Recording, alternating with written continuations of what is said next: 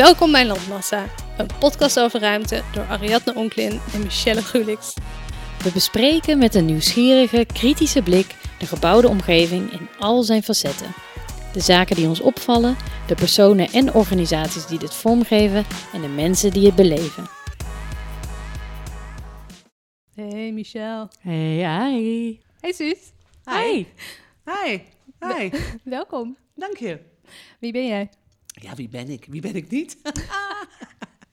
nee, ik eh, maak eh, eh, 25 jaar programma's bij AT5 over eh, stedelijke ontwikkeling, architectuur, ruimtelijke ordening ehm, voor een eh, productiehuis binnen AT5. Dus we hebben wel opdrachtgevers die, het, die ons allerlei dingen influisteren, maar wij zijn redactioneel onafhankelijk. Dus, eh, en sindsdien eh, eh, ben ik, eh, eh, zonder dat ik het eh, echt eh, eh, bedacht had, eh, een enorme stadsmens geworden. Yes. Yes. Kwam je uit Amsterdam ook? Nee, Oh, Groningen. Groningen studeren, Achterhoek. En uiteindelijk sinds 94 woon ik in Amsterdam. waar gaan we het over hebben jongens? We hebben een verkiezingsspecial vandaag. Eh, we zijn in de partijprogramma's gedoken. En hoe beter dan inderdaad met Suzanne van T5 Mhm. om daar gewoon in te duiken. Dus Arie, vertel, hoe gaan we het vandaag aanpakken? We hebben natuurlijk stemwijzers, kieswijzers, je hebt debatten en je hebt partijprogramma's. Nu leek het ons leuk om in plaats van de politicus een podium te bieden, wat al heel veel andere podcasts doen, zelf een blik te werpen op de partijprogramma's. En omdat er zoveel partijprogramma's zijn, leek het ons nog leuker om er iets gezelligs en feestelijks van te maken. Dus door het Rad van Fortuin erbij te betrekken. Dat hadden we natuurlijk nog in de kast staan. Ehm, we hebben alle partijprogramma's in het Rad van Fortuin gestopt. En we gaan om de beurt aan het rad draaien. En ehm, ja, bij welk partijprogramma we uitkomen, daar gaan we gewoon lekker over babbelen. En dan focussen we ons op de woningbouw voornamelijk. En we zetten onze Amsterdamse bril op, want we hebben Suzanne niks voor niks uitgenodigd voor deze special. De trigger, dat is nog wel even leuk om te zeggen. De trigger om dit onderwerp toch te gaan bespreken in een soort van special is eigenlijk het idee dat er een nieuwe minister van ruimtelijke ordening moet komen. Daar heeft ongeveer ieder partijprogramma het wel over. Wie wil even toelichten wie dat, wat dat is? Ja, eh, we hebben het vroeger, hadden we de, het ministerie van Ruimtelijke Ordening, die is eh, afgeschaft. Eh, dus alles werd gedecentraliseerd. En, ehm, maar nu alles een beetje een puinhoop wordt, zegt iedereen, het Rijk moet zich weer de regierol toe-eigenen. En ehm, of de minister van Wonen wordt of ruimtelijke ordening, of dat allebei in één eh, ministerspost komt, dat weet ik niet. Maar ik denk wel dat het onvermijdelijk is dat het gaat gebeuren. En verder moet wel ook even gemeld worden dat we vandaag een BSB-arrangement hebben. Oh ja, heel goed dat je dat En zegt. eh, Suzanne, je, ik denk dat jij de eer krijgt om dit toe te lichten. Ja, BSB-arrangement, jongens, de avondklok.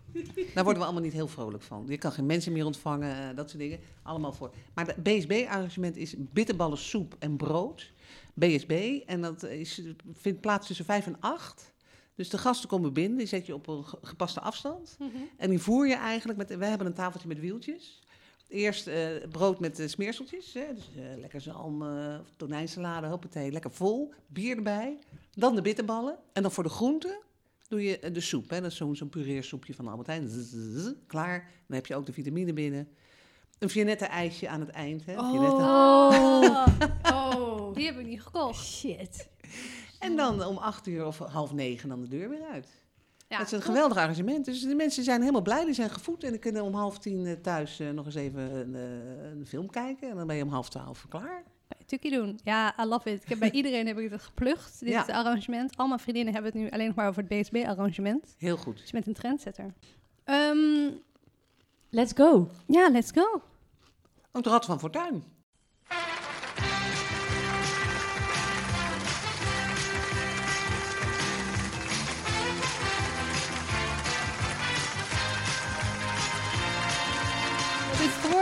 Het is geworden de PVV.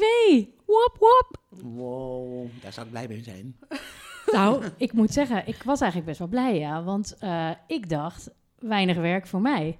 Want zoals de vorige keer bij de verkiezingen hadden ze één A4'tje verkiezingsprogramma. Dus Mhm. ik dacht, Winning. ik ben lekker snel klaar. Maar nee, jongens, ze zijn teruggekomen met 52 pagina's dit Oh. keer. 52. 52. Is nog steeds Niet, eh, Niet de allergrootste, Nee. maar ehm, eh, toch. Ik zal je wel even vertellen wat vorige keer het enige punt was in het partijprogramma van 1 A4'tje, waar het ging over iets wat ook maar iets met woning te maken heeft. En dat was huren omlaag.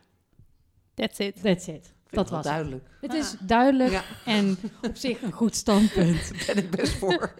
Maar hoe dan? Nou, er was ook. Ik heb ook nog één andere zin geselecteerd die enigszins aan ruimte eh, ehm, iets, iets aanraakte. Het was geen geld meer naar ontwikkelingshulp, windmolens, kunst, innovatie, omroep en z. Dus windmolens, ens? zit, windmolens zat daarin. Dus dat is ruimtelijk. Ens, wat is de ens? En-. Ja, kunst, innovatie, omroep. Ja, wat plak je er nog meer aan? I don't know. Eh, maar goed, ehm, ik heb in dus 52 pagina's heb ik, eh, heb ik doorgebladerd en daar alle highlights voor jullie uitgehaald. Eh, want eigenlijk, wat ik het dus wel interessant aan vond, ik heb echt, ik had geen idee wat de PVV nou ehm, eigenlijk voor visie heeft op onze ruimtelijke omgeving. Ik Toch? ook niet. Je, je hoort alleen maar, nou ja, het gaat vaak over immigratie. Dus ik was echt super benieuwd eh, eh, ho- nou ja, hoe ze erin zitten. En ehm, nou, het was dan ook weer geen verrassing toen ik erin dook. Want de wooncrisis is mede veroorzaakt door het open grenzenbeleid van de afgelopen jaren. Natuurlijk. Ja, natuurlijk. Ja, en ik citeer, want wie geen last hebben van de wooncrisis zijn asielzoekers. Allemaal willen ze een woning. En die hebben ze gekregen ook met voorrang. Oké. Ja. Dus da- da- dan, weet je, het zet een bepaalde toon. En eh, nou ja, dat gaat dus door. Ehm, en ik dacht, weet je, ik ga eens even kijken hoe zit dat nou met eh, eh, mensen die naar Nederland zijn gekomen. Dus nou even, in tien jaar tijd zijn, hebben 110.000 vluchtelingen op een totaal van 2,2 miljoen sociale huurwoningen een woning gekregen. Dus dat is 1 op de 20 woningen in de afgelopen 10 jaar eh, is naar asielzoekers gegaan. Dus dat, ik heb het even, ik dacht ik check eens even hoeveel is dat nou. Dus dat valt allemaal best wel mee. Heel goed gecheckt. En ehm, wat, dan het, wat daar ruimtelijk dan ook weer tegenover staat, is dat, ehm, nou ja, Geert Wilders en zijn PVV willen dat geen enkele asielzoekers meer in een sociale huurwoning zou kunnen wonen. Maar ze willen ook alle asielzoekerscentra sluiten. Waar moeten ze wonen? Mm, Ja, ze moeten allemaal het land uit. Maar je snapt ook, dat gaat natuurlijk. Stel al dat dat eh, uitgevoerd zou kunnen worden, hoe werkt dat dan? Dus dan heb je heel veel mensen die op straat moeten wonen. Ja, Ja. I don't know. Maar dat, daar wordt verder niet op ingegaan. Dit is het plan. Oké. En wat me daar ook aan opviel, want dit was eigenlijk eh, een, een, een groot deel van hun plan eh, op dat gebied van hoe ze de woningbouw gaan, ja, gaan fixen. Mhm. En ik vond het ook eigenlijk een gemiste kans voor de PVV. Want er wordt dus niet gesproken over de markt, over de overheid. Weet je, wel, ze hadden best wel kunnen VVD-bashen hier. Of, of CDA van, weet je wat een wanbeleid afgelopen jaar. Maar, Maar eigenlijk, ze stemmen toch best wel vaak mee met de VVD over dit soort onderwerpen, of niet? Nou, PVV is vaak best wel tegen de V- eh, VVD en vaak best links. Nou, Wij komen op voor de, voor, de, voor de oude arbeiders die, de PvdA, die zich in de steek gelaten voelen door de PvdA. precies. Maar ik luisterde vandaag een, ehm, een podcast. Oh, En, echt? ja.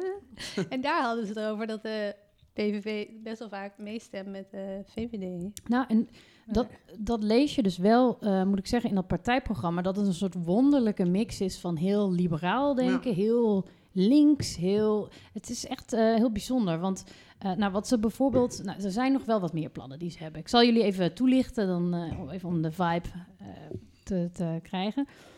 Belemmerende regelgeving rond stikstof gaat direct van tafel. Net als doorgeslagen regeltjes over geluid, lucht, milieu, verduurzaming en klimaat. Want hoe meer regels, hoe langer de woningbouw duurt en hoe duurder het wordt.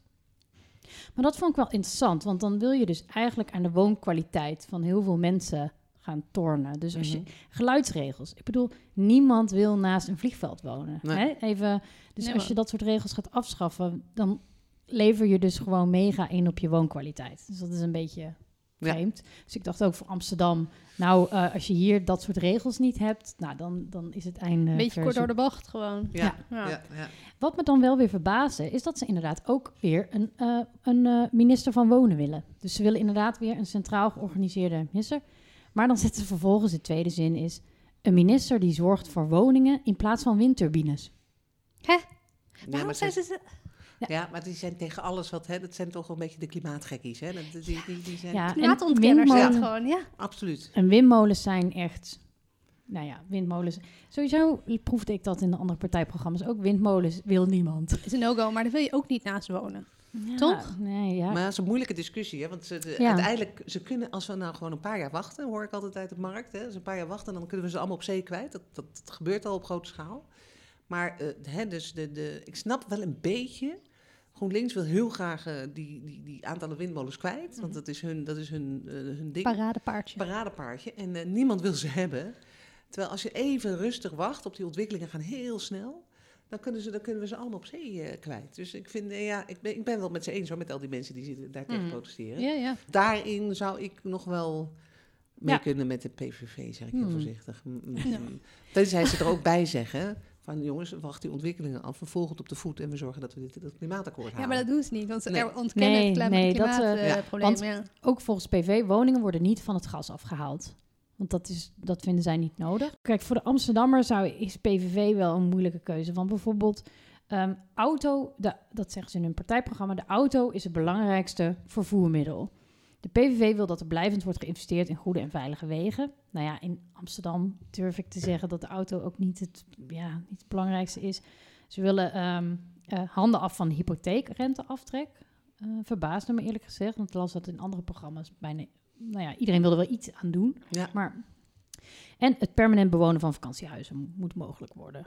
Nee. En eh, nou ja, dit is eigenlijk in het kort... Het zijn dus heel veel een beetje losse flodders, durf ik te zeggen. Het, is niet, het voelt niet als een coherent beleid, maar vooral veel ideeën die worden ge- Gespuit. gespuit. Ja. En daarom, ik wilde ook nog met een laatste eh, punt eh, eindigen eigenlijk over PVV, wat ze hebben gezegd. Wat ik ook, wat eigenlijk niet te maken heeft met ons woningprobleem, maar wel ook raakt aan onze omgeving. En dat is initiatieven om standbeelden of straatnamen van Nederlandse zeehelden te verwijderen, behoren natuurlijk tot het treurige politiek correcte verleden.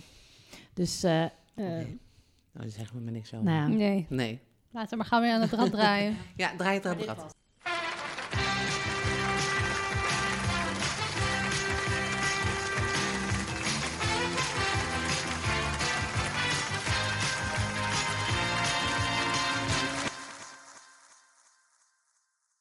Wat is het geworden? Het CDA!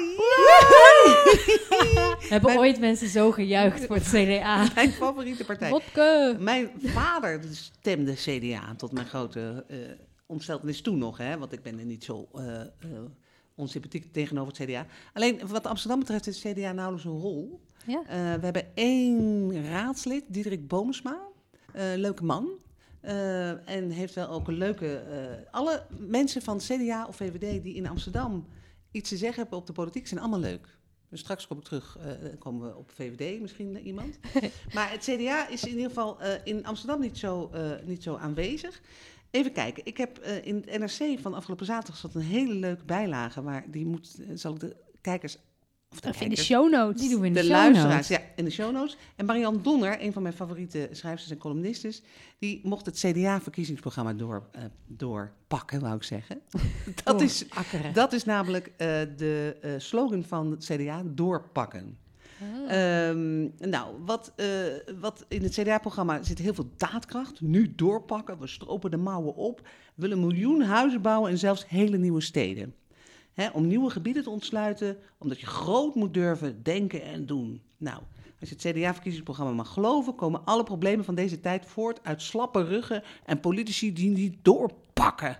Een drama. Ja, dus spreekt de taal uit van een manager die een pep talk geeft. En van een christelijke partij had ik toch iets meer diepgang verwacht en meer bezieling vooral. Heel- Al dus Marian Donner. en dat kan ik helemaal onderschrijven. Nou, wat ze, eh, ze willen wel, wat ik een goede vind, heb ik ook die partijprogramma's een beetje op nagekeken. Hij, zij willen wel de verhuurdersheffing afschaffen. De Wat is de verhuurder- verhuurdersheffing? ja, de verhuurdersheffing is eh, wat woningcorporaties moeten betalen aan het eh, Rijk eh, per woning die ze verhuren. Dus een heffing per woning die ze verhuren. Dus ongeveer 12 miljard per jaar komt daarop binnen. En die, door, hierdoor kunnen de corporaties dus heel weinig investeren in nieuwbouw.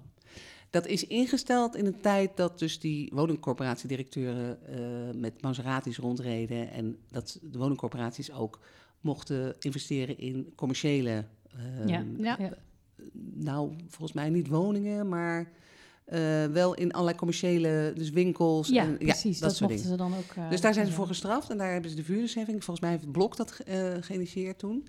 En ehm, nou, dat is een, de nekslag voor die uh, corporatie, want die moeten en al die woningen um, van het gas afkrijgen, renoveren en ook nog heel veel bouwen. Um, dus de verhuurdersheffing afschaffen zijn bijna alle partijen zijn het daarover eens. En het CDA ook. Nou, echt bijna iedereen die ik spreek, dus ook uh, marktpartijen, bouwers, zeggen allemaal als de verhuurdersheffing weg is, dan kunnen die woningcorporaties, die kunnen ja. ook anticyclisch bouwen. Hè? Dus die kunnen, dat betekent dat je in een tijd van crisis gewoon door kan bouwen. Dus ja. waar marktpartijen denken van ja, hier kan ik het gewoon echt niet rondkrijgen, kunnen mm -hmm. zij doorbouwen. Dus dan, dan krijg je het wel voor elkaar. Dus dat zou een enorme prop in het kanaal zijn, doorschieten. Ja. Voor die, uh, voor die, uh, voor die, uh, verdotteren. Voor die, ja, verdotteren. voor die 1 miljoen woningen die de komende 10 jaar moet, gebouwd moeten worden. Ja. Nou, het CDA zegt dat met een grootschalig nationaal woonplan gaan we binnen 10 jaar 1 miljoen nieuwe en duurzame woningen bouwen. En alle oplossingen zijn daarbij denkbaar, van bouwen in het groen tot een compleet nieuwe stad. Dus CDA is wel belangrijk. CDA is wel voor bouwen in het groen. Voor nieuwbouwprojecten komt er een groennorm om de balans tussen wonen, natuur en recreatie te beschermen. Groen groeit mee. We zien in houtbouw een duurzaam alternatief voor steen en beton, hey. omdat het CO2 vasthoudt in plaats van uitstoot. Steden mogen buiten de stadsgrenzen groeien om in de stad meer ruimte te houden voor groen. Maar dus ja, dan gaan ze in het groen, groen bouwen. Ja. Als je dan praktisch kijkt naar Amsterdam, als ja. wij nou nog verder naar het, buiten de stadsgrenzen gaan bouwen, in plaats van dat we gaan verdichten. Dus ze zitten eigenlijk vooral op de, op de uitbreiding. Nou, ze zitten nou niet vooral, uh, maar zij, uh, zij het taboe op het, uh, het, het bouwen in het groen, dat heffen zij een beetje op. Spannend. En dat is op zich wel spannend, omdat er natuurlijk ook mm -hmm. allerlei meer stemmen voor opgaan. Hè, om dat niet allemaal binnenstedelijk te doen. Ja. Want tot nu toe moest alles binnen bebouwd gebied. Ja. Nou ja, dan krijg je ontzettend, dat kost meer geld hè, om, om binnen de bestaande stad uh, te bouwen.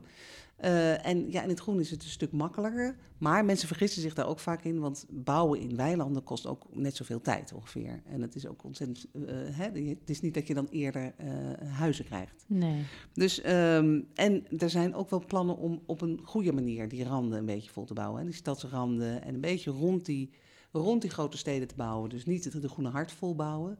Trouwens, Twiske en Spaarnwoude, dat zijn eigenlijk hele mislukte recreatiegebieden. Als je kijkt hoe dat, hoe dat gebruikt wordt. Ja, dat is echt, dat is in de jaren, wanneer is dat? In de jaren 60, 70? Oh, geen Maar Afijn. waar willen ze die nieuwe stad bouwen? Of hebben ze gewoon steden mogen in het algemeen nieuw gebouwd worden? Uh, Flevoland, jij werkt toch in Almere? Hey, uh, Pas op, hè. Pas op. En daar hebben ze niet echt veel... Ze hebben niet echt uh, gezegd waar dat dan moet. We geven in het hele land een nieuwe impuls aan stadsvernieuwing... met een brede wijkgerichte aanpak voor stadsdelen... waar slechte woonomstandigheden samenvallen met problemen en achterstanden. Dat is op zich wel goed, hè? Dus dat binnen ja. de steden wel. En steden mogen buiten de stadsgrenzen groeien.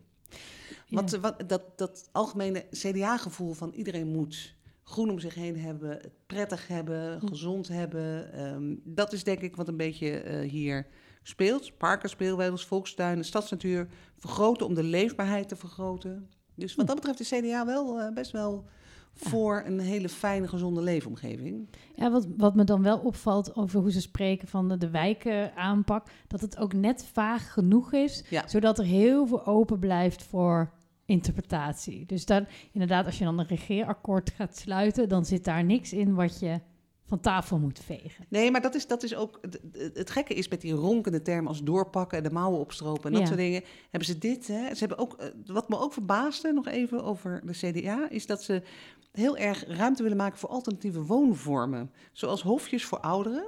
Oh, knarrenhof. Oh. Knarrenhofjes, tiny houses voor starters... en coöperatieve woonprojecten die door bewoners zelf worden ontwikkeld. Oh, Wat maar, vind je daarvan, het CDA, ja, joh? ik word er gewoon... Nou, waar ik dan altijd een beetje sceptisch en een beetje moi van word... is dat jongeren in een tiny house gedumpt moeten worden omdat er een probleem is. En dan mogen de ouderen in een hofje wonen. Waarom mogen de jongeren niet in een hofje wonen? Oh, verdorie. Ja, heel goed punt. Ja, ja, ja. ja maar nou. jongeren willen alleen maar... Uh, wij willen gedeelde terrassen. En uh, wij willen alles delen. Collectief. Ja. En dan willen we op 30 vierkante meter wonen. Maar dit willen jongeren. Dit, maar, dit ja, willen maar jongeren. is dit echt? Willen jongeren nee, dit natuurlijk niet. Niemand nee, wil dat, dat. is, dat, is, dat, is, dat, dat, dat hebben marktpartijen bedacht. En ook, uh, weet je wel, dat, dat je op 30 vierkante meter... en dat je je wasseretten en je koffietje voor 2,60 euro...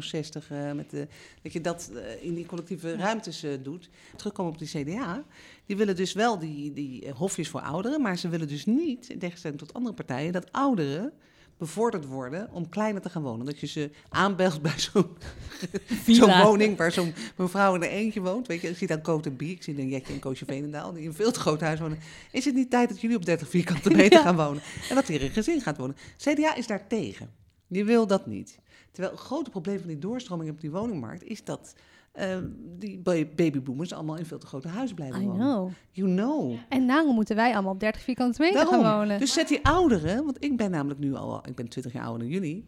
Ik heb laatst een reportage gemaakt in het Amstelhuis, hier eh, bij, aan de Natuurbaan. Die hebben kamertjes van 30 vierkante meter, maar een sociëteit beneden met een leestafel en biertjes en wijntjes. Ik denk, hier ga ik wonen.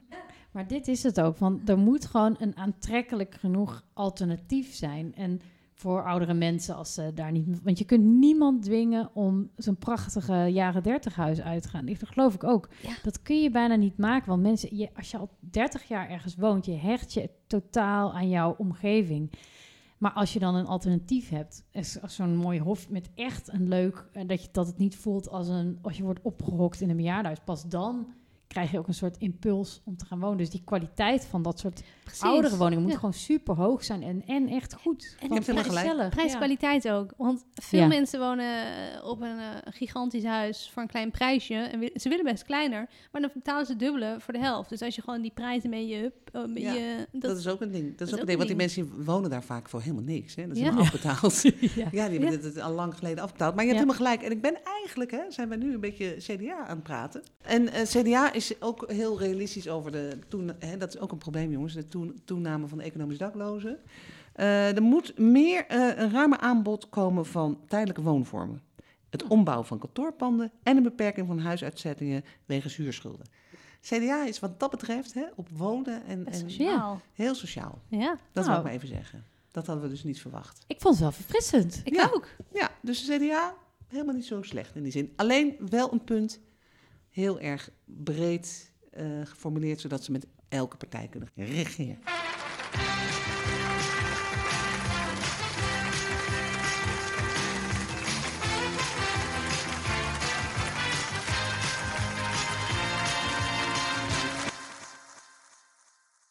SP. Wa, wa. Wieuw. Het programma telde 32 pagina's, dus minder dan de PVV. Wat heerlijk compact. I know. Mm. En als, Lucky je, you. en als je er ook geen zin in had, hebben ze ook nog een pagina op hun websiteje waarin staat de plannen van de SP in eenvoudige woorden. Eén papiertje vol. Hoofdstuk 6 gaat over wonen, dus dat heb ik even geprint. En eh, even gelezen. Nou, onze vrienden van de SP die hebben, hoe heet het? Stel een daad. Dus dat is ook eh, een beetje Mm. let's go eh, mentaliteit. Ehm, ik heb ook even Ctrl-F omgevingswet gedaan. Oh, dat ja. vind ik gewoon interessant. Moet je Eh, even uitleggen wat het is, hè? Omgevingswet is de nieuwe wetgeving die er wel of niet gaat aankomen. Het is nog steeds niet door de Eerste Kamer. Ehm, nieuwe wetgeving waarin alle wetten die te maken hebben met de ruimtelijke omgeving worden samengevoegd in één wet. En dat is gewoon één grote rel, omdat het heel veel werk is. Alle gemeentes moeten al hun bestemmingsplannen omzetten naar één omgevingsplan. En alles moet anders worden verwoord. Al, eh, juridisch wordt het omgedraaid. Dus in plaats van dat je allemaal regels oplegt, eh, gaat het een beetje zo van alles mag. Mhm. Eh, tenzij of zoiets. Of, nou ja. Heel lastig. Het ja. is juridisch een hoofdpijndossier. En ook omdat juristen nu weer de ruimte krijgen om met elkaar te discussiëren over wat staat er Ja. nou. In plaats van zwart-wit, duidelijk van dit is de regelgeving. Dus het is allemaal gedoe en er is gedoe, want er moet een digitaal ICT-systeem komen waarop je dan als burger lekker het makkelijk kan opzoeken hoe ik een vergunningje kan aanvragen. En dan heb je in die stukken staat de acterende burger, hè? Dus, dus het zijn de, en de acterende burger, in mijn ervaring zijn mannen met eh, roos op hun schouders en linnen tasjes die elke avond in pak uit de zwijger mee komen praten. Dat is de acterende burger, dat zijn wij niet. Ehm, SP. Eén ding viel me gewoon op bij puntje 1. Ze zeggen, we willen een einde maken aan de woningnood door een nieuw ministerie toe te voegen van wonen. Hey. En die Hey. krijgt eh, regie over de huisvesting. En wat ik lachen vind, is dat de SP heeft het steeds over volkshuisvesting. Dat, het begrip kom ik niet bij andere partijen tegen. Nee, maar dat is. eh, Ik hoorde gisteren wat jongeren discussiëren op Radio 1. En ik, ik heb daar, vind het wel een puntje: woningmarkt versus volkshuisvesting. Dus er is discussie, bij, ook bij de jonge mensen, dat de woningmarkt moet geen markt zijn, want het is een recht. Precies, dat zegt de P van de A de hele tijd in elk debat. Ja, dus we moeten terug naar het ministerie van Volkshuisvesting. En dat, eh, dat is, lijkt een semantische discussie, maar het is eigenlijk wel heel principieel, omdat de woningmarkt is vraag en aanbod. En daardoor is Ja. het allemaal zo een totale gekte geworden. Pijn Dus ik, op. Terwijl ik vind volkshuisvesting vind ik wel, ik vind dat we dat weer terug moeten de doen. woordkeuze is oké. Ja. Een goed punt. Dus dat is de, echt een principieel punt. Dat vind ik wel een Ja. goede van de SP. En eh, ik vind het vooral heel lachen dat hij weer zo'n nieuw ministerie, dat gewoon is de messias die alles gaat oplossen weer. Ik vind het echt heel hilarisch. Maar wat ze zeggen is, ik krijg de regie over de huisvesting en maakt een nationaal bouwplan, want dat is belangrijk. Mhm. En maar dan spreken ze zichzelf tegen in puntje 10. Want Oh. dan zeggen ze, nationaal beleid voor wonen en werken kan op verschillende gebieden heel anders uitpakken. Daarom moet er bekeken worden of ze wel regio bestand zijn. Dus dan gaan we weer decentraliseren. Lekker bezig. Dus eigenlijk elk plan wat je in Den Haag maakt, wordt ook nog even gecheckt door je provincie en daarna ook nog door je gemeente. En dan kun je eigenlijk nog best wel een sluipweggetje vinden om ja, toch een, een toren in je natuurgebiedje te bouwen. Is toch gewoon... oh. Ja, ja, nee, dat is niet goed doordacht. Nee. Nee, niet, nee. Maar- En dan jezelf de hoofdstuk jezelf tegenspreken vond ik gewoon een beetje vreemd. Oké, dan hebben ze het over de huren gaan de komende jaren niet omhoog, maar omlaag. Top. En dan denk ik, love it. Hoe dan? Hoe dan? Zei PVV Ja, dat ook niet? PVV ook. Nee, daar vinden ze elkaar. Gewoon Ja. huren omlaag. Punt. Punt. punt. Ja, precies. Maar dat is dat populisme, populisme wat het SP ook Hmm. in geslopen is, hoor. Dat is echt niet... eh, niet eh, Oké. Ja. Ze, geven, ze geven ietsje meer toelichting Ja, dan de PVV. benieuwd. Ze zeggen in give de toekomst, want ze maar zeggen, nu moeten de huren omlaag. Hmm. In de toekomst willen we huren meer koppelen aan het inkomen. Punt. Hm. Hoe dan? Gaan we een percentage doen? Is dit praktisch? Oh god, ja, ja, ja. en wat is er Wat als je zeggen? inkomen... Nou, we hadden het vorige, vorige week of twee weken geleden in onze podcast... hadden we het bijvoorbeeld over, eh, over de corporaties. Dat het nu al zo'n probleem is om die toets, de inkomenstoets... dat levert al problemen op. Nou kun je nagaan als je dat voor iedereen gaat doen. I know. Ja, Dat, is, niet haalbaar. Want, eh, dat willen we ja. niet. Nee, dat woonwaarderingsstelsel is iets wat we, wat, eh, wat, eh, nou ja, wat, waar allerlei partijen ook ideeën over hebben. Maar het is, het is lastig. Ne- Neem je de WOZ-waarde of neem je de... Het puntensysteem, ja. Ik heb nu al hoofdpijn. I know, het is heel complex. En dan zeggen ze, Komt joh, de drank. en we willen bij nieuwbouwprojecten eisen we de bouw van betaalbare huurwoningen. Vind ik ook een beetje zo van, wat is betaalbaar? Ja. Dat is dus wel afhankelijk van je inkomen, maar hoe gaan we dat Hmm, meten en ja. wat, hoe maak je dat praktisch? Dus ik ben het helemaal eens met dat de huren omlaag moeten. Ik ben heel benieuwd ook praktisch, als ik kijk naar mijn eigen huurcontract, staat heel duidelijk dat huren niet omlaag kunnen, alleen omhoog. Dus ik hoop dat ze een omwegje weten te vinden, dat bij mij mijn huur ook omlaag kan. Maar eh, nou ja, eh ben benieuwd hoe ze dit gaan doen. Maar de SP in Amsterdam, hè, onze wethouder wonen, Ja. is van de SP. Die is al acht jaar bezig. Dat is Laurens. Evans. Ja. Die is nog niet zo heel ver gekomen met het eh, allemaal een beetje op, eh, op orde krijgen qua aantallen.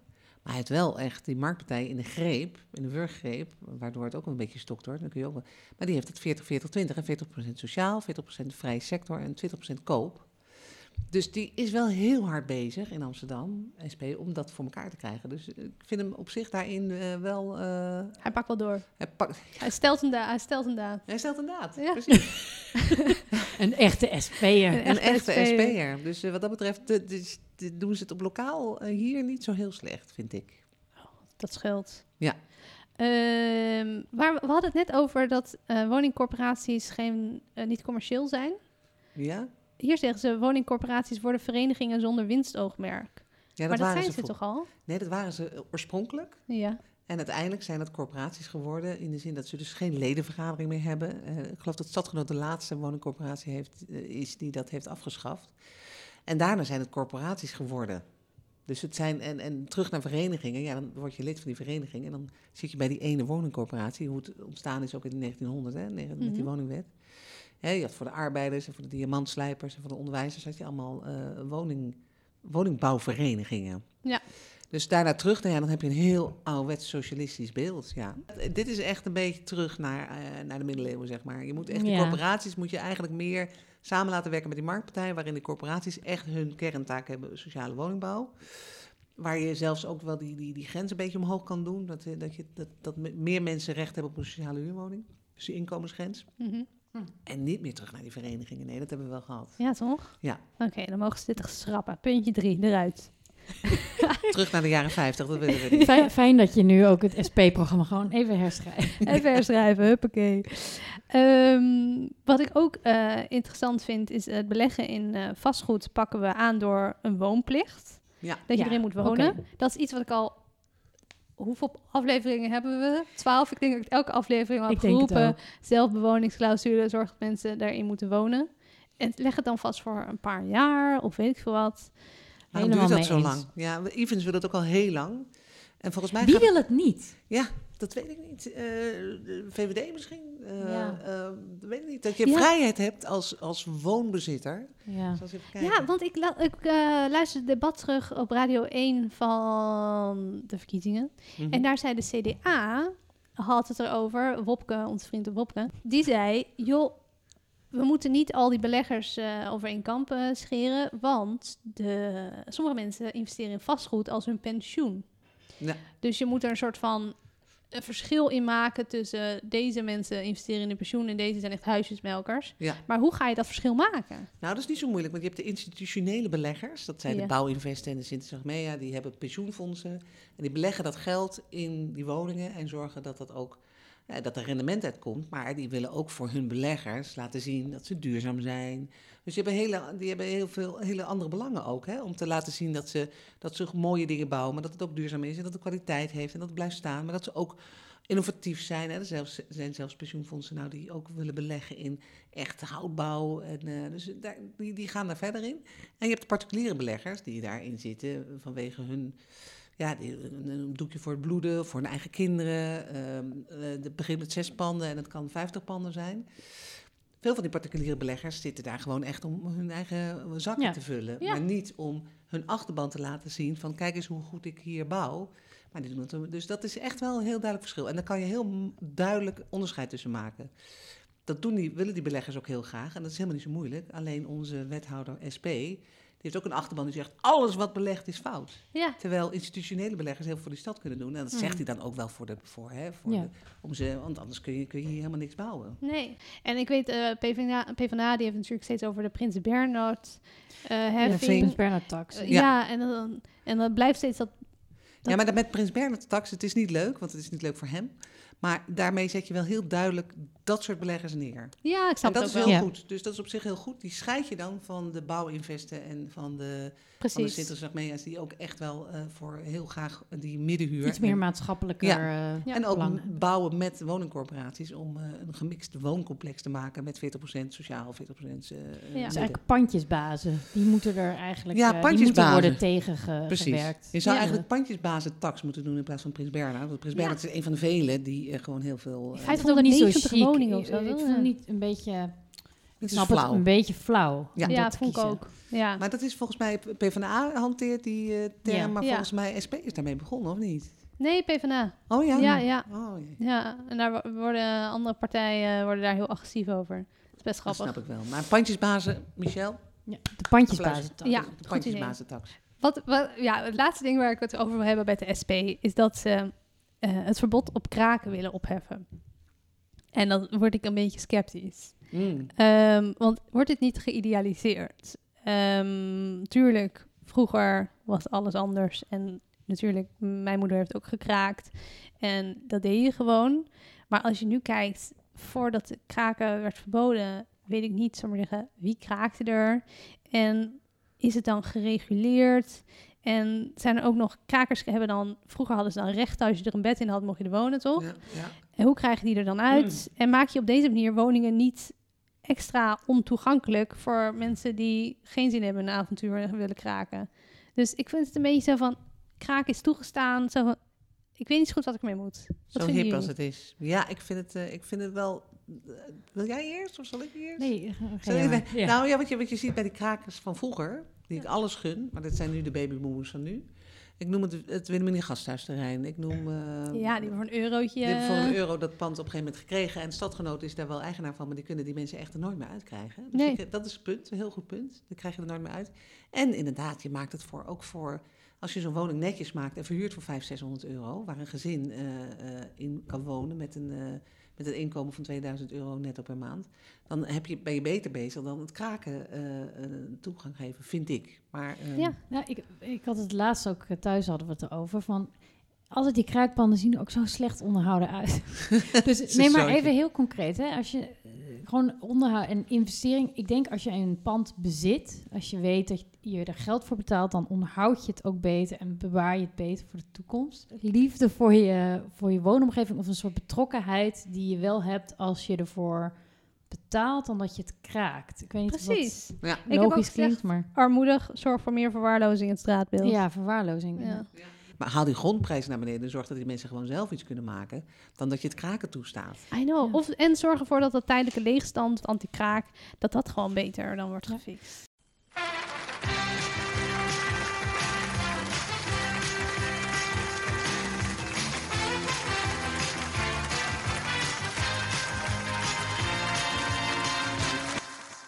De SGP. Oh nee, Oh. wat erg! Nee, ehm, ja, ik eh, ben voor jullie allen in het partijprogramma van de SGP eh, gedoken. En ik denk, dit is echt een partijprogramma waar bijna niemand induikt. Toch? Nee. Nee. Dat je denkt, oké, daar ga ik toch niet op stemmen. Tenminste, da- als ik over mezelf spreek. maar zo bleek, het was fascinerend. Waar Jongens, staat de SGP ook weer voor? staatkundig gereformeerde partij? Ja. Maar goed, eerst het begin. Eh, je begint met het lezen van het partijprogramma. En ehm, dan komt de eerste zin en dat is... Voor de SGP is de bijbelse opdracht van bouwen en bewaren een belangrijk uitgangspunt. Hmm. Nou, dan haak je dus eigenlijk al Af. een beetje af. Want je denkt... Eh, opdracht. maar goed, het loont bouwen, dus- het toren van Babel. Ja, maar hoe zij dat zien is dus dat je, dat je zorgvuldig met de natuur en de beschikbare ruimte omgaat. Nou, oké. CDA? Het, het gaat maar door over woningen. Het koopwoningen, huurwoningen, ruimte is een onderwerp en omgevingswet. Oh, Hey, Er is da, da, da, een da. mega, nee, er is echt een lange paragraaf over de omgevingswet. En staan er nuttige dingen in? En wat vinden ze ervan? Nou, zeker. Nou, het is Stemmen gewoon ze voor? Heel, alles wat de SGP schrijft is heel specifiek. Dus echt met plannen dat je denkt, niet zoals het CDA van... uh, uh, Doorpakken. maar gewoon best wel specifiek. Dus ehm, ik zal jullie er helemaal mee doorheen loodsen. Nou. Ehm, nou, wat ze eigenlijk willen zien, eh, wat, wat, er, wat ze honderd keer schrijven in het partijprogramma is decentraal wat kan, centraal wat moet. Oké. Eh, ja, Nou ja, het dat Rijk vinden we zorgt, allemaal wel. Het Rijk zorgt voor de randvoorwaarden, maar provincies en gemeenten gaan aan de slag. Hmm. Ik vind het heel Eerst- vaag. Ja, dat Ja. is vaag. Ja. Maar eh, ze willen dus ook inderdaad een ministerie voor volkshuisvesting. Kijk, Zij spreken ook over die volkshuisvesting. Mooi. En ehm, ehm, ze willen regionale samenwerking tussen gemeenten en provincies. Oké. Maar jongens, in het partijprogramma van de SGP volgt een lijst van echt 40 hele specifieke plannen voor de, om het op te lossen van, ons, van de woningcrisis. Oh, 40? En wat ik dus fascinerend vond, je had het net over, de SG, over, de, over, de, over het CDA. En ook de SGP spreekt over tiny houses en, en flexwoningen, tijdelijke woningen. De, wat is het? Is dit een ding? Dat ineens tiny houses voor de christelijke partijen een, oplossing zijn. een oplossing zijn? Misschien is het verschenen in het gebed. Interessant. ik denk dat, nou, de- de- even kijken, tiny houses en, en christendom. Want Even ik denken. Eh, Ik denk dat het ook wel, dat je, als je een heel klein huisje hebt, dat je er niet afgeleid wordt door allerlei eh, kamers en En verdiepingen. het is in dat de je dan, natuur. het is in de natuur, dus dat je daar, daar meer kan wijden tot God. Ja. Doordat je eh, dichter bij de natuur. Oké, deze hele gedegen analyse. Ja. En, en in die dorpen, hè, tiny houses betekent ook een dorpse eh, gemeenschapscultuur. En dan komt er gewoon heel snel, dat, daar zit SGP en CDA, die houden van dorpen en gemeenschapszin en, en, en verbinding door de kerk en eh, door het eh, gezelfde geloof. En dat kan veel makkelijker in een tiny house. Ja. Want dan ben je niet afgeleid door allerlei... eh, Damn. Ah, Ik heb hem. Sodom heb en hem. Gomorra, toch? Sodom Ja. en Gomorra. Gomorra. Nou, ook, nou, ook Geboren. hier...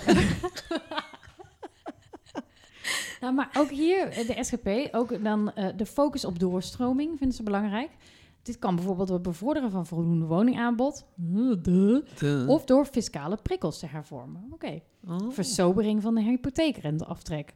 Ah, heel goed. Ehm, ehm, de belastingdruk voor woningcorporaties moet verlaagd worden. Oké, en nu komen ze met een interessant plan.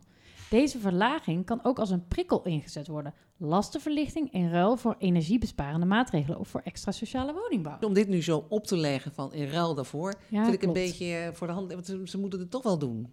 Hmm. Ja, Wij zijn niet enthousiast. Nee. Wat hebben ze nog meer van plannen? Nog eentje. Nou, en dit, oké, dan worden jullie ook minder enthousiast door het volgende punt, want hier was ik heel kritisch op.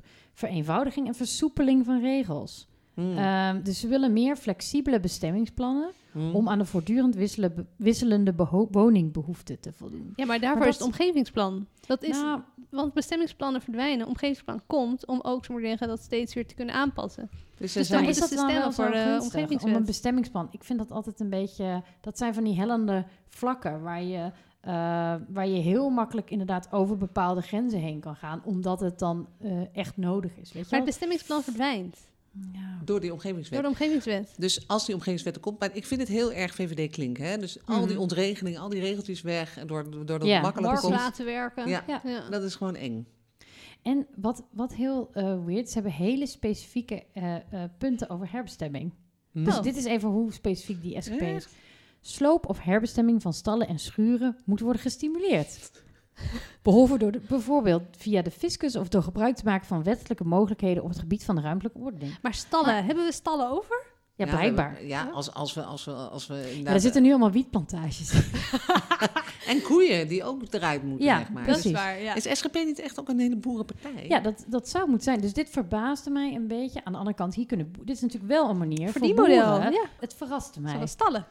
Ja, en maar ik denk dat dat door die boerenachtergrond komt. ja, dat ze daar, dat, Ja. ik denk dat daar blijkbaar dus vanuit hun achterban heel veel input of zo over is gekomen. Hm. Nou, wat ze ook zeggen, corona geeft wellicht een kans om kantoren die leeg staan om te bouwen tot woningen.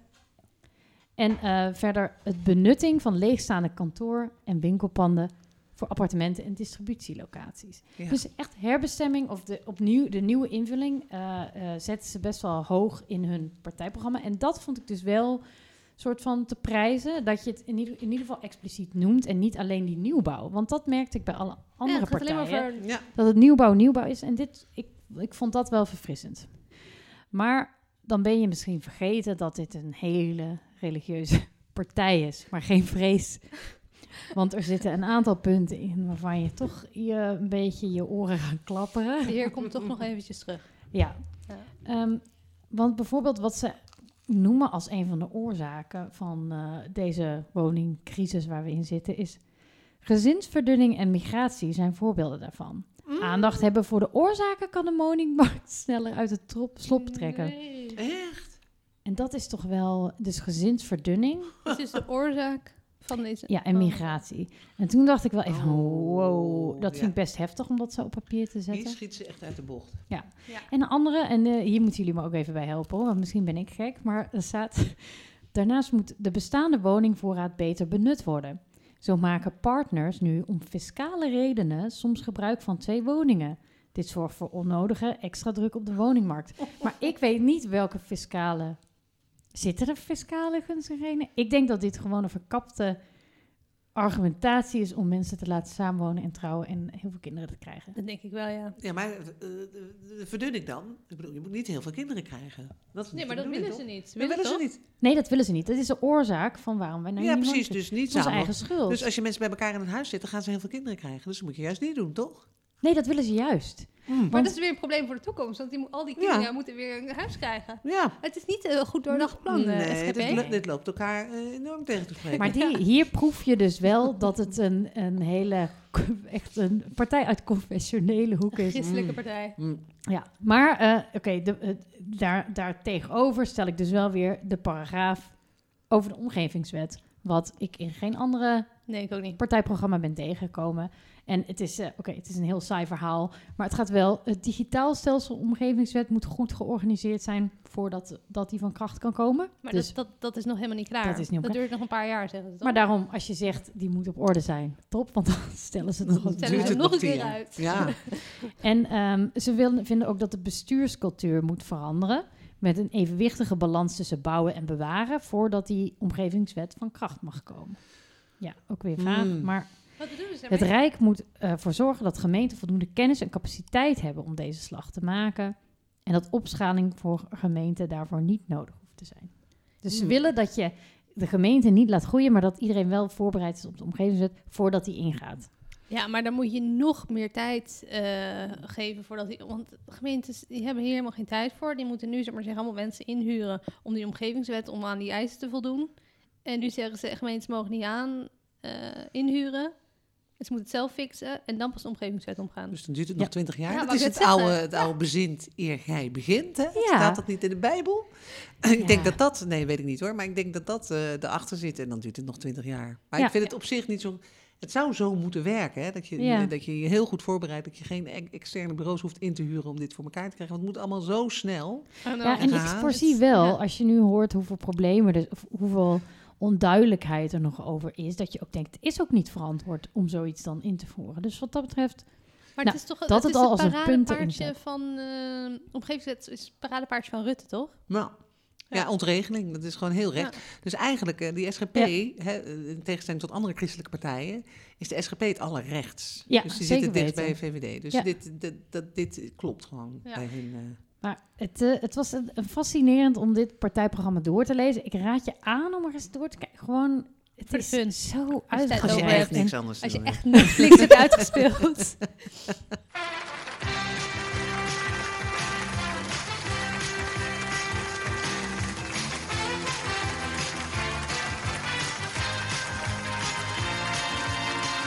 Wat is het geworden? VVD. Oh, Oh. Nou, ik ben heel benieuwd, want eh, ik denk dat ik alles weet over de... Ik denk dat ik het al weet wat ze gaan zeggen zonder het te lezen. Maar misschien Gooi het maar in. worden we verrast. Nou, het, weet je, het, het- het is inderdaad het is niet eh, heel spannend, dus we zijn hier heel snel mee klaar. Eh, alle regels weg. Maar hoezo dus- denk je dat je weet nou, dat... gewoon dat alle regels weg. Lekker marktwerking. Oh. lekker, eh, zo gaan we het oplossen. Mm, Ja, ja, ja, ja. Nou, ze zijn, zo gaan we het oplossen, maar ze zijn dus nog, hè, wat zei Rutte in 2013, hè, visie is als een olifant die het uitzicht belemmert.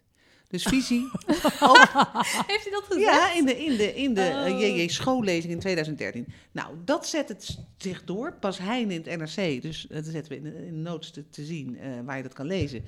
Die heeft dat even vriendelijk samengevat. Hè. Die heeft voor mij het hele VVD-programma gelezen. Schoorvoetend voortschrijdend inzicht, opgetuigd met veel enerzijds, anderzijds, om de indruk van fidele redelijkheid te wekken. De VVD buigt behendig mee met de tijdsgeest, precies op tijd. Het nieuwe verhaal is niet uitdagend, idealistisch of zelfs maar bevlogen. Precies zoals veel Nederlanders het graag zien.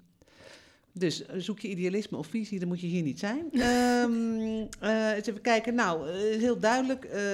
ze willen de regels in de vrije sectorhuur makkelijker maken. Dus dat woonwaarderingsstelsel, zoals het dus bestaat, dat de WOZ-waarde meetelt in de huurprijs. Dat we ze bij corporaties wel vasthouden, maar bij de vrije huur niet.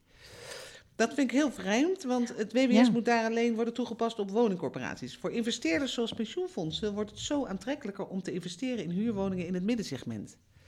Dus dan laat je de WOZ-waarde los, Dan kan je hele hoge huren vragen. maar ook dus lagere huren. Maar ja, Ja, dat doet gaat toch er nou- niemand? Nee, dat joh. doet toch niemand? Ja, dus voor zittende huurders verandert daarmee niets. Ze houden de bescherming die zij nu ook hebben. Dus die laat die bescherming helemaal los. Dat lijkt mij een, eh, een paard op hol eh, eh, jagen, zeg maar. En qua- dat wijkt ook heel erg af van alle programma's die we tot nu toe hebben doorgeploegd. Raar, hè? Ja? Ja, dus de, als mensen daar iets van snappen. ehm, dus die, die, die, dat WWS, dat woonwaarderingsstelsel, moet voor de vrije huursector losgelaten worden. Dus dat de WOZ-waarde meetelt in eh, eh, de waarde of de, de, de, de huurprijs die je kan vragen. Raar. Nou, daar gaan we het wel mee een beetje oplossen. Een rat Ja. van fortuin. De Rad van Fortuin. Nou, in ieder geval, dus daarmee, eh, wat je ook al zegt, eh, eh, meer, eh, eh, minder regels. Eh, ook een Nationaal Bouwfonds oprichten, net als CDA. Eh, met die bijdrage kunnen we die miljoen woningen gaan bouwen. Dus dat gaat allemaal goed komen. Ehm, we nemen ook andere maatregelen om te zorgen dat er echt gebouwd wordt. Zo zorgen we dat het voor woningcorporaties loont om dure woningen te verkopen en goedkope woningen te bouwen. Wat, eh, eh, dat vind ik een beetje vaag. Nou, als, je, als, je, als de woningcorporaties dat makkelijker kunnen. Kijk, in Amsterdam zit het echt aan een grens vast. Dus eh, de corporaties hebben heel veel bezit. Ik geloof 48% in, in Mhm. Amsterdam. Ehm, en het zit op hele mooie plekken. Ja. Ehm, dat is het leuke van Amsterdam. Amsterdam is enorm, heeft een enorme ehm, traditie van echt... Ja. dat je met, met, met een laag inkomen ook gewoon eh, aan de rechtboomsloot kan wonen.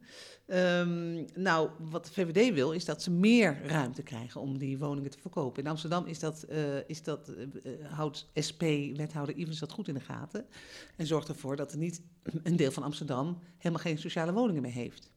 Dus bijvoorbeeld Oostenburg, eh, dat wordt nu gebouwd, dat is maar 20% sociale huur. Eigenlijk is de wet 40% sociale Ja. huur, of de, wat, wat eh, Ivens voorschrijft. Maar de omgeving, Wittenburg, Kattenburg en die oostelijke Ja, eilanden, die zijn 80% eh, Ja. sociaal. Dus zo, zo, eh, zo proberen ze dat een beetje te, eh, eh, te levelen. Dat is een heel goed beleid van Amsterdam, denk ik. Eh, maar eh, de VVD wil dat de woningcorporaties gewoon meer van eh, de, de, de woningen verkopen die op mooie locaties zitten. Daar kun je dan lekker veel voor, voor, voor vangen. En dan kunnen ze in de randen, dus ja, buiten de ring. Of, Oh, dan weer- wordt in de- Ja. op mooie plekken wonen heel elitair. Waarschijnlijk wel. Ja. Nou, dat gaat, ik hoop dat Amsterdam dat niet gaat doen. Ik weet ook niet of de VVD in Amsterdam heeft nooit echt veel te zeggen gehad. We hadden wel een hele goede VVD-wethouder. Hadden er twee trouwens, Litjens en, ehm, en eh, Van den Burg? en Van den Burg. Erik van den Burg, die is acht jaar wethouder geweest. Die had in de laatste vier jaar van zijn termijn, tussen 2014 en 2018, had hij ehm, een ruimtelijke ordening.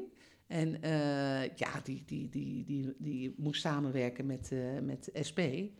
Ehm, hij noemde zichzelf, even kijken hoor, die gekke linkse wethouder. Had het ook, hij was het ook helemaal niet eens met Rutte.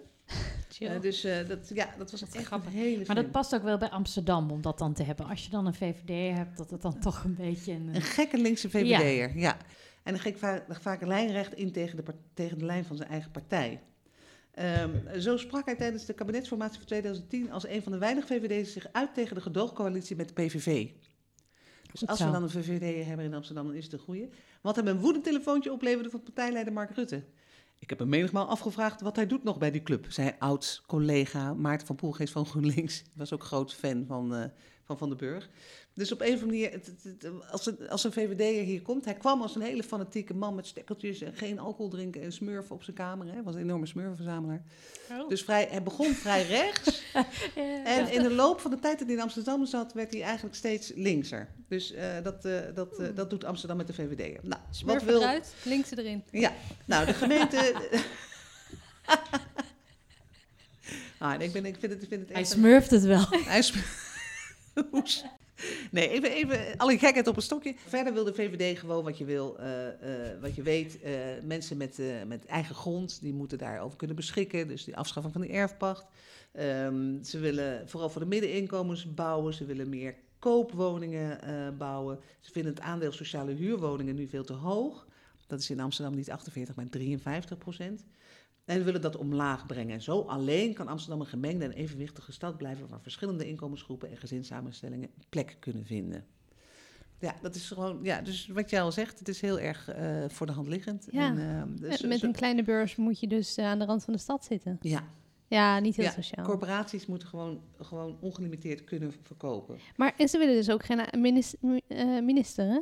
Ze willen geen minister, ja, dat had jij eh, bekeken, hè? Ja, maar ik dacht, je fiets ik hem erin, dan kan jij hem erin koppen. Ja, oh, dankjewel. Alsjeblieft. Bij deze, kom ik met erin. Ze willen dus ook geen eh, regie vanuit het Rijk. Dus ze willen geen minister voor, eh, voor wonen. Ze willen gewoon dat die markt dat verder allemaal oplost en dat allemaal gaat regelen. Daar zijn ze wel uniek in. Dat is het enige. Of die omgevingswet zeggen ze ook. Dat is heel simpel. Ehm, eh, de omgevingswet wordt het makkelijker om een dakkapel te bouwen. Oh ja. Of je oprit te verbreden. Hè? Dus ze houden het heel simpel, de VVD. Eh, nou, starters, willen ze, wat willen ze daar ook? Ja, 35, eh, 35 jaar geen overdrachtsbelasting. Het schijnt dat dat helemaal niet zo goed werkt. Die overdrachtsbelasting voor starters afschaffen. Voor starters wel, maar dat is voor beleggers weer heel, onha- heel onhandig. Eh, enfin, hè? Dus als je Mm. een huis koopt dat je een overdrachtsbelasting hoeft te betalen, hoef je onder de 35 hoef je dat niet. Dat is op zich wel fijn. En daar zijn ze ook wel voor. Ja. ja. Huh. Nou, Ah, ja, dat zijn Ja. kopers. Dat zijn dan mensen Ja, die, dat zijn allemaal die kopers. iets... eh, ja. Ja, nee, jij, de, de, ik- de starters die meteen willen kopen, zorg dat er betaalbare huurwoningen zijn. Waardoor je als starter ook gewoon lekker kan bewegen. Waarom zou je nou starters eh, willen dwingen om een huis te kopen? Dan zit je eraan vast, dan heb je lening. En dan Ja, maar dat komt omdat die huren gewoon Dat weet ik, onbetaalbaar zijn. Precies. Dat, Dat, is, eh, dat ja. is, maar doe dan iets aan de huren, zodat Ja. mensen gewoon makkelijker kunnen huren. Afijn. Nou, eh, ik ga aan het rad draaien.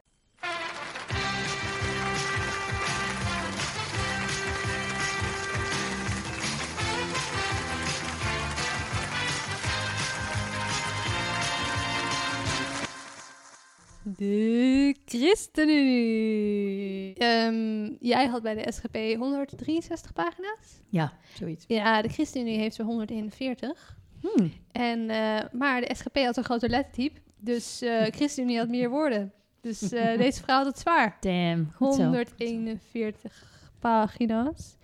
En daarnaast hadden ze, ik maar zeggen, zoals de SP had handig, weet je, zo in makkelijke woorden, heel kort beknopt. Dat hebben ze dus niet bij de ChristenUnie. Ze hebben een paar onderwerpen op alfabetische volgorde, waar je dan op kan klikken en dan heel kort een toelichting krijgt. Maar ja, omgevingswet ontbreekt bijvoorbeeld, weet je wel. Dan denk je van, hm, oké, Hmm. negeren we gewoon. Maar wel de Oeigoeren. Oké. Nou, En toen dacht, vond ik dus een, eh, een flashy filmpje op die website van de ChristenUnie. En dan staat er het verkiezingsprogramma in 120 seconden. Dus ik dacht, nou, winning. Ja. Huppakee, hoef ik niet die 141 pagina's door. Nou, dat eh, was dus een beetje jammer. Omdat ze een minuut lang, of nou, ja, 58 seconden, zijn ze dus alleen maar grapjes aan het maken. Zo van, ja, eh, hoe dan? En uh, ja, maar Jesse Klaver doet het ook. En, Het is net onze podcast. Echt de hele tijd zo van alleen maar grapje, grapje, grapje. En toen na 58 seconden zeggen ze: Oké, eh, kort en krachtig. Ons partijprogramma past niet in 120 seconden. Want het is veel te zorgvuldig opgesteld en dan doe je het niet recht toe. Ah, Dus lees het programma gewoon. Wat een en dode toen- mus. Ah Oh. man. En ik was echt van: Nou, ze hebben nu nog maar een halve minuut. Hoe gaan ze dit doen? Nou, huppakee. Gewoon eh, spoiler. niks. Spoiler. Gewoon niks. Dus nu Jammer. moest ik toch dat programma door. Wat me opvalt, is dat ze het dus alleen maar over ouderen hebben de hele tijd. Zo van, er moet 1 miljard voor de ouderen.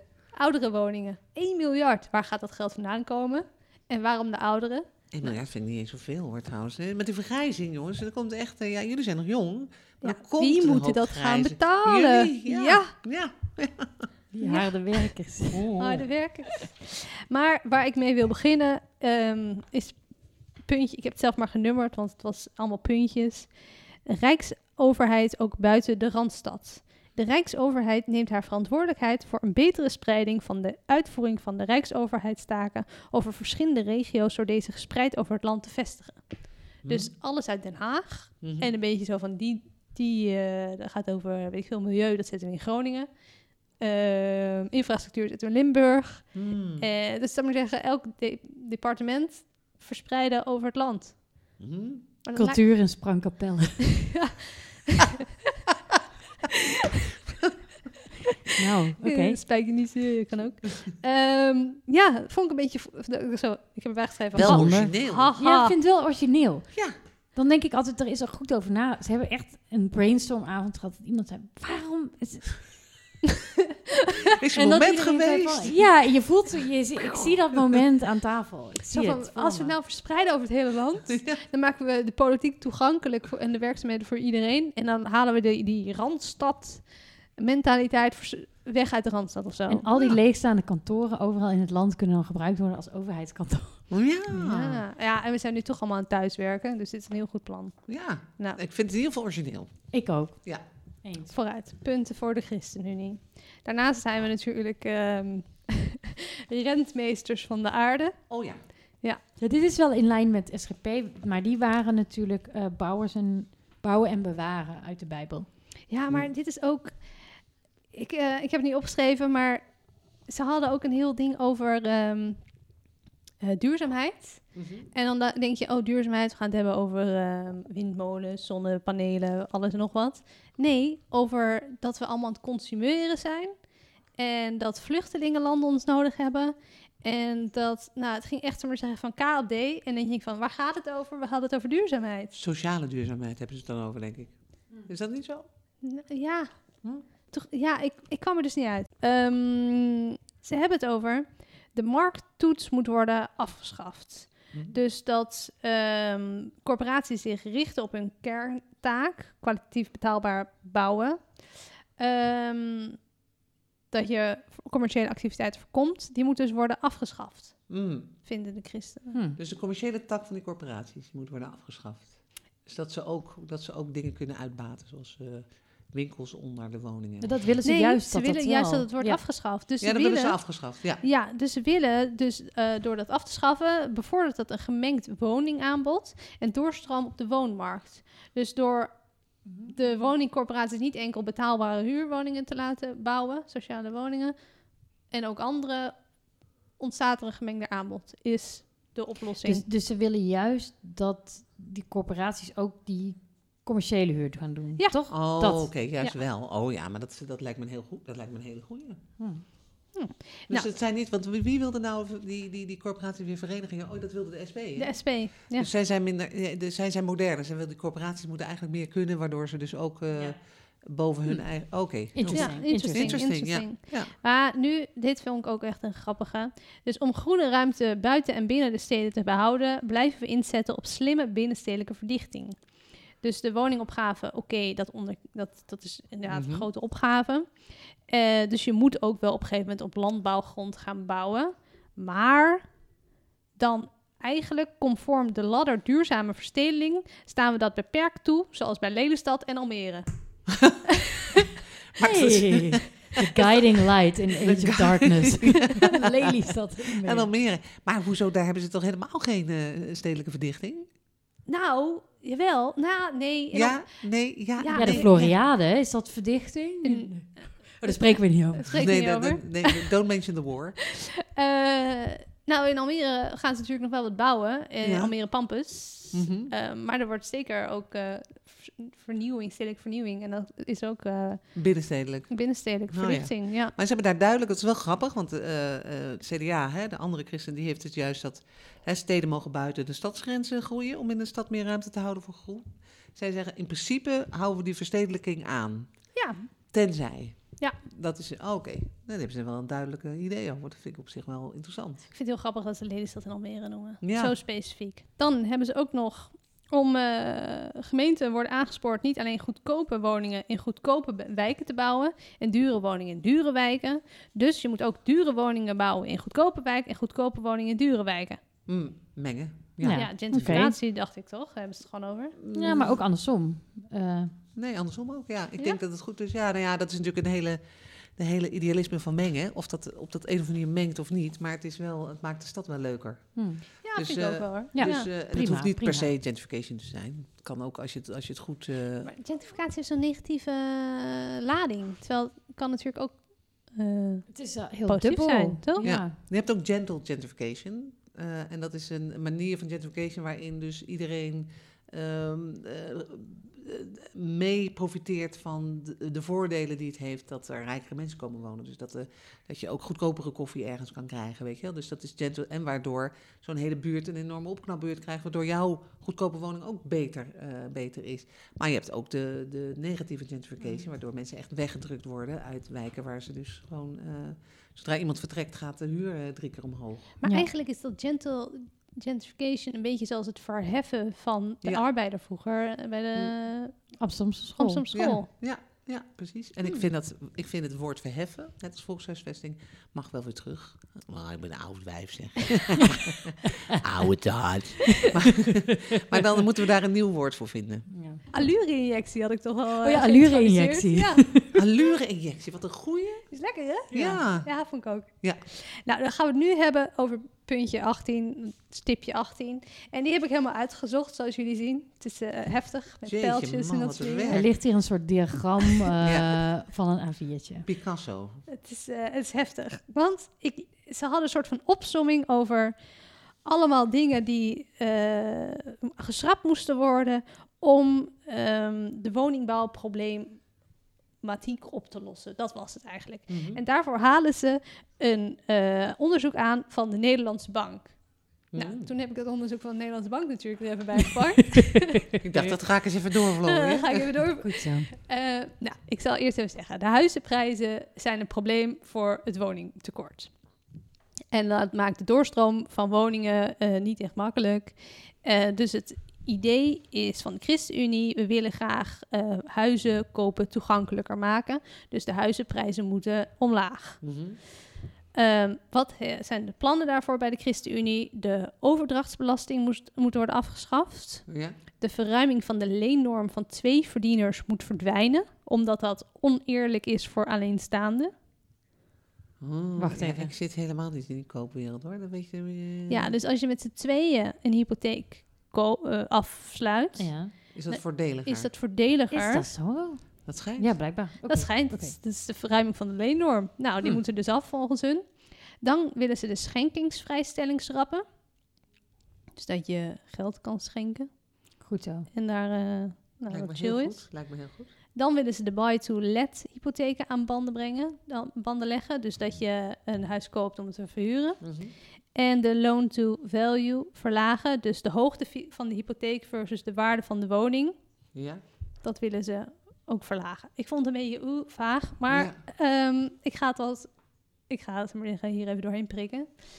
Want eh, de stijging van de huizenprijzen is primair niet, eh, wordt niet ge- ja, gecreëerd door het tekort aan woningen, maar door de financieringsruimte. Ah. Dat eh, onder, heeft het onderzoek gedaan van de Nederlandse Bank. En zij zeggen, yo, je moet, zeg maar zeggen, wil je de huizenprijzen aan banden leggen, dan moet je niet deze dingen doen die de ChristenUnie zegt, maar je moet iets heel anders doen. en, maar ze zeggen, halen wel aan, zo van, eh, ze zeggen hier van, huizenprijzen stijgen namelijk niet primair omdat er we- te weinig woningen zijn, maar omdat de financieringsruimte groter wordt, zoals ook de Nederlandse Bank heeft vastgesteld. Ja.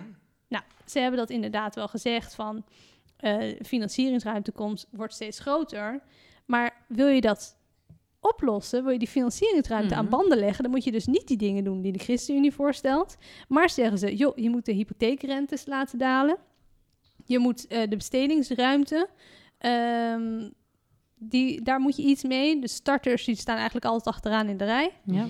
En de grote oplossing van de Nederlandse bank is de hypotheekrenteaftrek afbouwen en eh, meer huizen bouwen. Ja. Dus ze zeggen gewoon bouw meer huizen, stop met die hypotheekrenteaftrek. En dan gaan die eh, huizenprijzen dalen en dan gaat het woningtekort eh, opgelost worden. Maar ze hebben, ze maar zeggen, ze, ze zijn aan het shoppen uit een onderzoek geweest van de Nederlandse bank. Ai, ai, ze zetten ai, het erin. En dan denken, ze van, denken mensen, oeh, de Nederlandse bank heeft gezegd, nou, dan is dit een goed idee.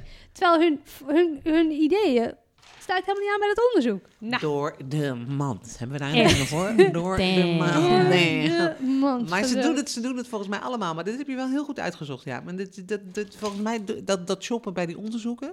Zeker weten. Ja, dat, Maar ze hebben ook allemaal hun eigen onderzoeksbureau, volgens mij, die dus ook allemaal eigen onderzoekjes uitvoert, waar je natuurlijk vanuit een, parti- een politieke partijkleur een Ja. onderzoek uitvoert. Dus het is ook altijd, Altijd een Ja, beetje welke doorgestoken vraag vaart. stel je? ja. Dus dit is extra zuur dat ze het van een externe partij verkeerd hebben geshopt, of, of net Ja. niet handig hebben geshopt. ja. Een beetje, een beetje jammer. Hm, Gewoon ja. een beetje knullig. Als je dus maar zeggen 141 pagina's vol weet te schrijven ja. en dan gewoon niet goed de onderzoeken Waarschijnlijk was het te lang. Dus dat je daardoor, dat je daardoor gewoon veel te veel tijd bent aan het schrijven. En terwijl je niet goed... Naar de goed inhoud door- kijkt. Nee, precies. Nee, precies. Een beetje jammer. En wat me gewoon opvalt, eh, bij- maar dat hebben meer eh, partijprogramma's, is dat ehm, als het energie, als het over energie en duurzaamheid gaat van woningen, dan wordt er energiearmoede wordt er hierover gesproken. Dat, eh, dat het heel elitair is dus om je huis te verduurzamen. Ehm Kost 40.000 euro per huis. hè? wow! Ja, dat, eh, hebben ze, dat- was eh, eergisteren of gisteren het nieuws.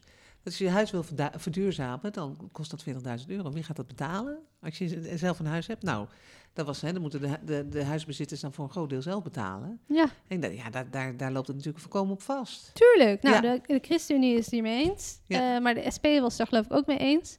Was voor mij gewoon onduidelijk. Zo van, wow, is dat inderdaad zo? Want ik heb een huurwoning, dus ik heb hier echt nul verstand van. Ja, nee, ik Maar- heb het wel eens eerder ja. gehoord. Hè? Dat is, om van die bedrijven die je huis verduurzamen. Het kost van tussen de 35 en 40.000 euro. Maar hebben ze dan als eh, rentmeters van de aarde, hebben ze dan niet een, een alternatief plan om, om, eh, om, om eh, die klimaatdoelen wel, wel te halen? Want Ja. dat denk ik dan ook. Ja, oké, dan eh, ja, dat is elitair, maar ehm, ja, wat dan? Weet ja. je, wat, wat, wat is dan? eh, Wacht even hoor, we pakken hem erbij. Ja, ze gaan eh, de daken en gevels van de Rijksoverheid met zonnepanelen Oh, bedekken. sorry. Ehm, ja, en verder voorkom energie. Ja, ik, het is gewoon een beetje... Waar aardgas geleidelijk wordt vervangen door duurzame warmte... wordt ook geïnvesteerd in isolatie... zodat de energierekening omlaag gaat. Daardoor blijven de woonlasten laag. Maar dat je denkt van, oké, maar hoe dan? En klimaatbestendige nieuwbouw...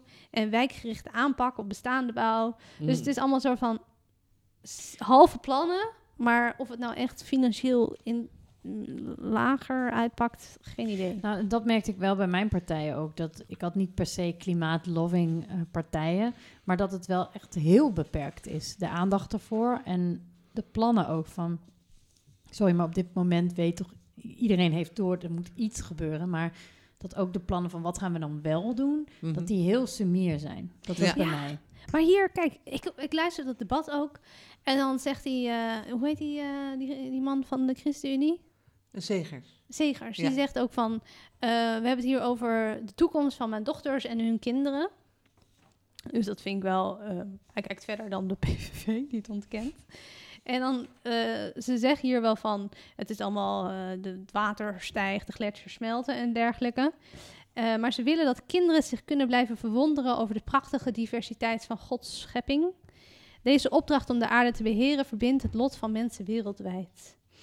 En dan uiteindelijk hebben ze het hier zo van... We zetten ons in voor duurzame ontwikkelingsdoeleinden van de Verenigde Naties. Streven naar internationale aan- afspraken over de aanpak. Over het wereldwijde milieuprobleem. Mhm. We zijn hierin ambitieus. eh, en, dat, eh, en zijn dat op een manier waarop iedereen de verandering mee kan maken... in een duurzame levensstijl voor iedereen toegankelijk is. Ook eh, dat is ecologische rechtvaardigheid. Maar, Maar, maar wat, wat dan? Wat betekent dit? Wat, wat is, Gaan we dat klimaatakkoord hiermee halen? Eh, vaag. dit vaag. zou ik als PR-medewerker zo opschrijven. Ja, daar hoef je je nergens aan te houden. Ja. Nee, maar dat is wat jij nou net zegt. Hè. Dat Ja. vind ik ook wel heel erg eh, eh, ehm, eh, spannend om de, de conclusie een beetje te, te, te laten komen. Maar het gekke is, er is een ongelofelijke klimaatcrisis. En niemand heeft het expliciet over. ja. Nee. Nou ja, we hebben GroenLinks en PvdA en de, de GroenLinks en, en Ja, de Partij van de Dieren niet gedaan. nee. Hebben we niet gedaan. Dus wat dat betreft. Maar dit, dit, dit nou ja, VVD, CDA zijn grote partijen. Maar ook die kleinere En de partijen. PVV natuurlijk. En de PVV al helemaal niet. Maar ook de VVD, CDA een beetje. Ja. Maar eh, nee, dat vind ik wel zorgelijk. Dat is echt wel zorgelijk. Ik ook. Ik denk dat het heel snel, alles wordt, je bent heel snel afgeleid door andere zaken, terwijl dat natuurlijk eigenlijk een van de, zo niet het grootste punt moet zijn, weet je wel? Ja. Dat, ehm, Ja, en het gaat nu vooral in debatten over corona, wat natuurlijk logisch Mhm. is. Maar er is natuurlijk nog een andere crisis, Ja. de klimaatcrisis. De klimaatcrisis en de woningbouwcrisis. Dus eh, ja, dus wat dat betreft.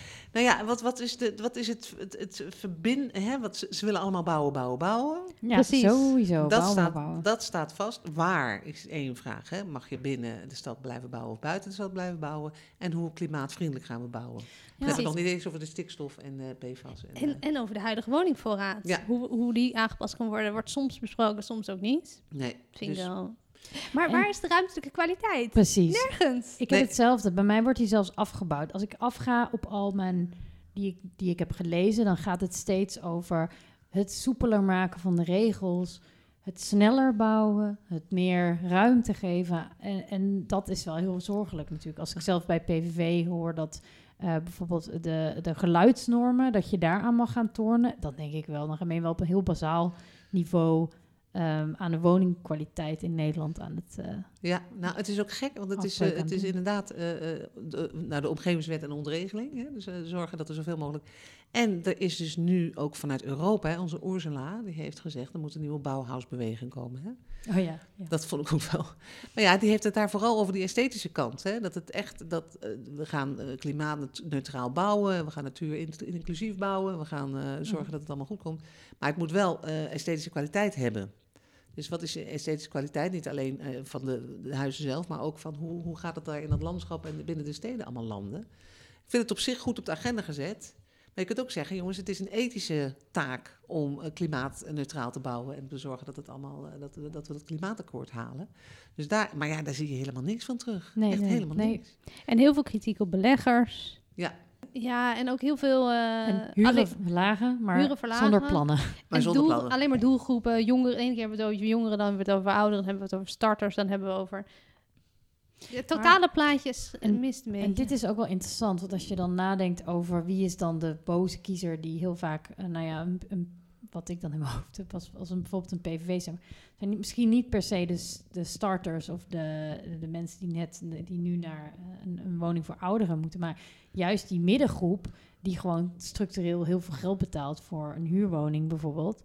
Daar wordt nergens over gesproken. De Het is altijd verloren starters generatie. en ouderen. Nou, nee, nee, nee. Dan Of- moet ik even, de, VVD wel hoor. De VVD en CDA willen echt voor die middenklasse, die middengroepen bouwen. Dus dat, die, dat, dat, dat zien ze wel. Hmm. Zeker, zeker, zeker, zeker. En dat die huurprijzen makkelijker worden aan te passen als je die, als je die, die, woon, die, die, die WWS-regeling eh, anders doet. Wat we nog niet helemaal Mhm. snappen. Maar in ieder geval, nee, nee, nee. De VVD en CDA. En volgens mij, is het, voor de, Oh, iedereen, gelukkig heeft, iedereen heeft het wel over dat voor die middenhuur, daar is een groot tekort aan. Ja. Maar Nou, dat, dat is het lastigste om te bouwen. Omdat dat eh, eh, Ja. voor die marktpartijen... De rendement is daar minder makkelijk op te halen. Middenhuur blijft wel wat beter zitten dan, dan het goedkopere huur. Nou ja, hoe dat zit met die mutaties, hè, hoe, hoe snel vertrekken mensen en moet je dan weer doorverhuren. Maar dat, dat is wel duidelijk. Maar hoe we dan voor die middenklasse gaan bouwen en wie, wie en hoe het doen? eruit ziet, Ja.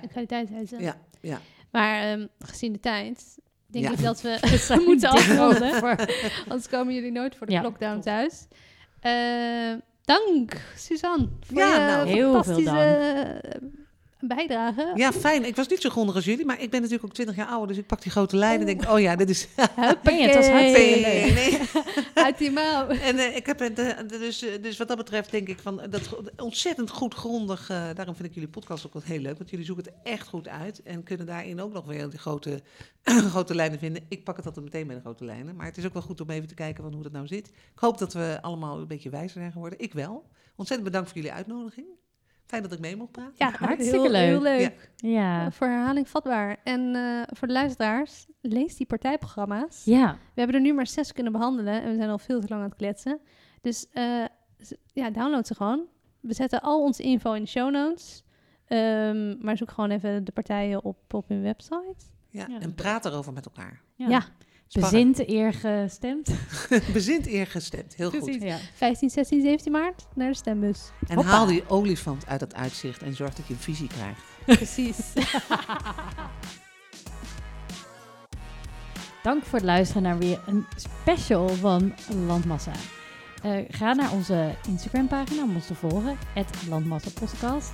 En daar kun je ook vragen opsturen voor onze volgende uitzendingen. Show notes. Eh, kijk altijd in onze show notes voor eh, alle links en opmerkingen waar we het over hebben gehad. Kun je alle plaatjes zien. www.landmassa.nl onze website. Oh, love dit. En ehm, verder, je kunt ons ook altijd een mailtje sturen op landmassapodcast.gmail.com. We lezen alles. Doei! Doei!